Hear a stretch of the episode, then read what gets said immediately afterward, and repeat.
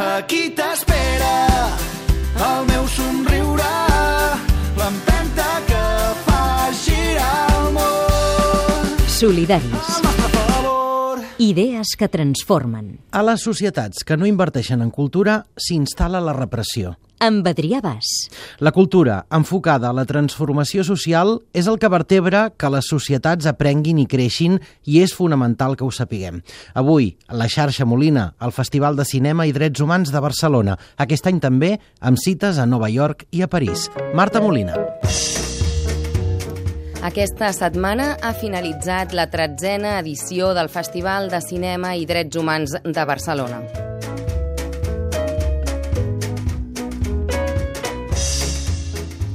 Gairebé dues setmanes de projeccions als cinemes Texas combinades amb tallers de cine i de drets humans, però les pel·lícules i els curts del festival s'allarguen uns dies amb projeccions satèl·lits simultànies a París i a Nova York.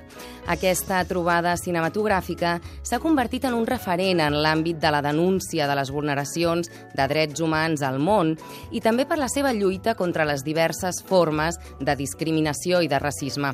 Un festival on es pot dialogar amb els directors i fins i tot amb els activistes que s'han convertit en protagonistes d'algunes de les històries. Toni Navarro, de l'entitat Drets en Acció, és el director del festival i reflexiona entorn a la necessitat de la cultura com a motor de canvi social. Eh, Normalment eh, les societats que no inverteixen en cultura inverteixen en repressió. És justament així, no? Estem veient com a Finlàndia, per exemple, estan tancant presons perquè no hi ha interns directament, no? Hi ha interns a Finlàndia. En canvi, aquí estem veient una degradació eh, dels valors de, de, de, de la societat i ho estem veient no, no només aquí, evidentment, sinó també a nivell internacional i crec que està demostrat que la cultura enfocada en la transformació social és el, el que vertebra no? que, que les societats doncs, aprenguin, creixin i, i és hora que sigui prioritat, no? que sigui, perquè és fonamental realment. El festival ha atorgat diferents premis cinematogràfics, però també a periodistes en risc o que estan amenaçats per fer la seva feina. L'objectiu d'aquests premis és crear un escut perquè en un festival doncs, a nivell internacional és, és, és respectat i és important crear, crear aquests escuts perquè aquestes persones puguin continuar treballant. Eh, el premi l'hem donat a Dina Meza, que bueno, és una periodista amenaçada de fa molts anys i bueno, va, va, va ser amenaçada, de fet està protegida i, i bueno, ella continua treballant però amb un risc de la seva vida per, per, per tot el que comporta no? i el premi eh, de ràdio, el premi Veus l'hem donat a Ràdio Progresso que és una ràdio comunitària que fa un, un treball esplèndid eh, de, per fer com una xarxa a totes aquestes comunitats que estan desestructurades i bueno, intentar com donar veu als que porten eh, molts anys i sense veu. Dina Meza, periodista independent hondurenya, s'ha endut el Premi Lletres i Ràdio Progresso el Premi Veus pel seu compromís amb la defensa dels drets humans, la llibertat d'expressió i informació. El Premi Mirada també va cap a Honduras i en concret a l'activista Berta Cáceres, defensora del riu Gualcarque, de la qual hem parlat en aquest espai i que va ser assassinada aquest any.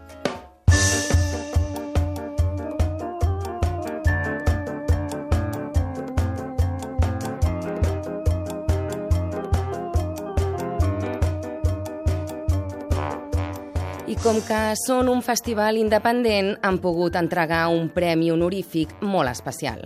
I l'altre premi és el Premi Drets Humans que entrega, entrega la mateixa organització i bueno, destacar que se'n va atorgar a Enric Duran per la seva feina, la seva tasca en, en, en drets humans i perquè les entitats bancàries desestimin les seves demandes judicials entorn al seu cas. El festival ha volgut recolzar les causes judicials pendents d'Enric Duran, que l'any 2008 va expropiar prop de mig milió d'euros a diversos bancs com una acció política per recolzar els moviments socials i denunciar el sistema bancari i les atrocitats del sistema capitalista. El festival reivindica que les entitats bancàries desestimin les seves demandes judicials de tipus penal i vehiculin el procés exclusivament per la via civil. Però el festival té un jurat amb noms de realitzadors, directors, activistes a nivell local i internacional que s'ocupa de premiar les pel·lícules. El documental premiat ha estat Frame by Frame. És de periodisme, justament. Sembla que bueno, aquest any hem, hem parlat molt de periodisme i és de periodisme a l'Afganistan. Com els talibans, eh, és curiós com quan van fer, bueno, van invair no, el, el país, eh, estava prohibit fer fotografia. Qui enxampaven fent fotos o fent fotografia el, el mataven. Però encara així va haver-hi com una escola que pues, feia les seves fotos i, i fer un arxiu del que estava passant. This is Afghanistan. Before the Taliban, you can't believe it that this was Afghanistan.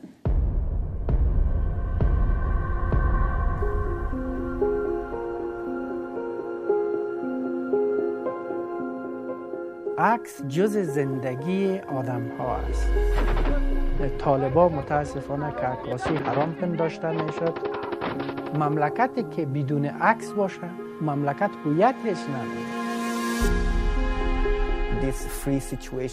La càmera de fotos com una arma de resistència i de mostrar la realitat censurada.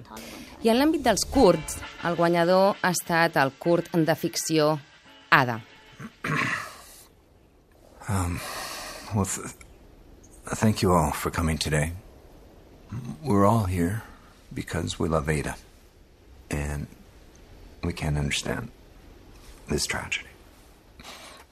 Aquesta és la veu en off d'un curt de ficció que ens parla d'un tema molt real. Es tracta d'una narració des de fora, molt freda, que surt de l'àmbit més emocional per parlar de la violència masclista. Max Larruy n'és el director quan jo veig una, una peça de ficció que, sobre, per exemple, sobre violència de gènere, sempre són super emocionals. Són imatges que, com si diguéssim, eh, t'ataquen directament. Són on tu només pots seguir el que t'està dient el director. És a dir, el director t'està dient de, tens, que, tens que sentir això, tens, va directament a, a, a l'emoció, perquè tu estàs veient imatges que són molt, molt fortes, molt dures. I llavors, justament, amb aquest curt, i, i això és opinió personal, a mi jo crec que com a espectador es transmet més si tu eh, expresses les coses sense jutjar-les, tu deixes que l'espectador les, les jutgi. I per això presentar unes imatges que no, que no són dures, sinó que, la, la duresa de les imatges és el que hi ha darrere d'elles. Que tu com a espectador les veus les analitzes i llavors te n'adones del missatge que hi ha, que hi ha darrere. O sigui que, que tu formes part de la narració. És una miqueta el que a mi m'agrada a l'hora de ficció i sobretot a l'hora d'encarar de, de, eh, la violència de gènere. Nobody ever loved her as I did. The one thing that I have that comforts me is knowing that és, una, és una veu en off que en principi és del, és del, del maltractador i tu sents la veu en off en, de, que ve com d'un d'un com es diu, d'un enterrament de la, de la, de la noia maltractada. Llavors, eh, tenia 5 minuts i era una veu en off i en aquesta veu en off eh, és el que deia abans, o sigui, en tota la, tu estàs veient imatges d'ella a, a, que va a un hotel i com s'està preparant, que està... De fet, veus, veus que indicis que ella està maltractada, però no són indicis forts. De fet, les imatges són bastant boniques en general, no és un curt que costi de veure, al revés, entra bastant bé, jo crec. I llavors, eh, la idea, la idea que explicar tan poc eh, i de transmetre allò era sobretot eh, no, és el que deia, no jutjar però presentar sí, una veu sobretot la tonalitat de l'actor, l'actor parlava d'una forma que no transmet bones sensacions després eh, contrarrestar que ella està dient coses molt boniques d'ella a la vegada que veus coses que la veus a ella com patint aquesta tu com a espectador en, poc temps pots, tenint en compte eh, tot el que, la informació que tenim de lo que passa i tal, tu clar, veus aquelles imatges sense aquella veu, però tu tens una, un background, tens una informació darrere de tot el que, tots els inputs que rebem de violència nacional i tal, i tu ja estàs creant la teva pròpia història, tu estàs juntant aquestes dues coses, estàs juntant unes imatges que no tenen res a veure amb el que està dient ell, perquè ja està parlant d'una felicitat que no existeix, però el seu to de veu alhora és, és un to de veu una miqueta... Eh, és, una, és una interpretació increïble d'ell, però és, és, és estrany. Tu com a espectador sents allò i dius, ui, no, ja no hi ha veritat en el que està dient. De fet, hi ha alguna molt fosc allà.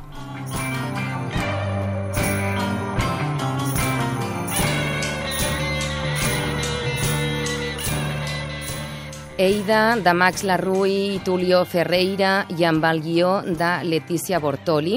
És un curt que transmet definitivament el missatge de la violència cap a una dona, una història que eh, es repeteix a diari a casa nostra i potser amb els nostres veïns.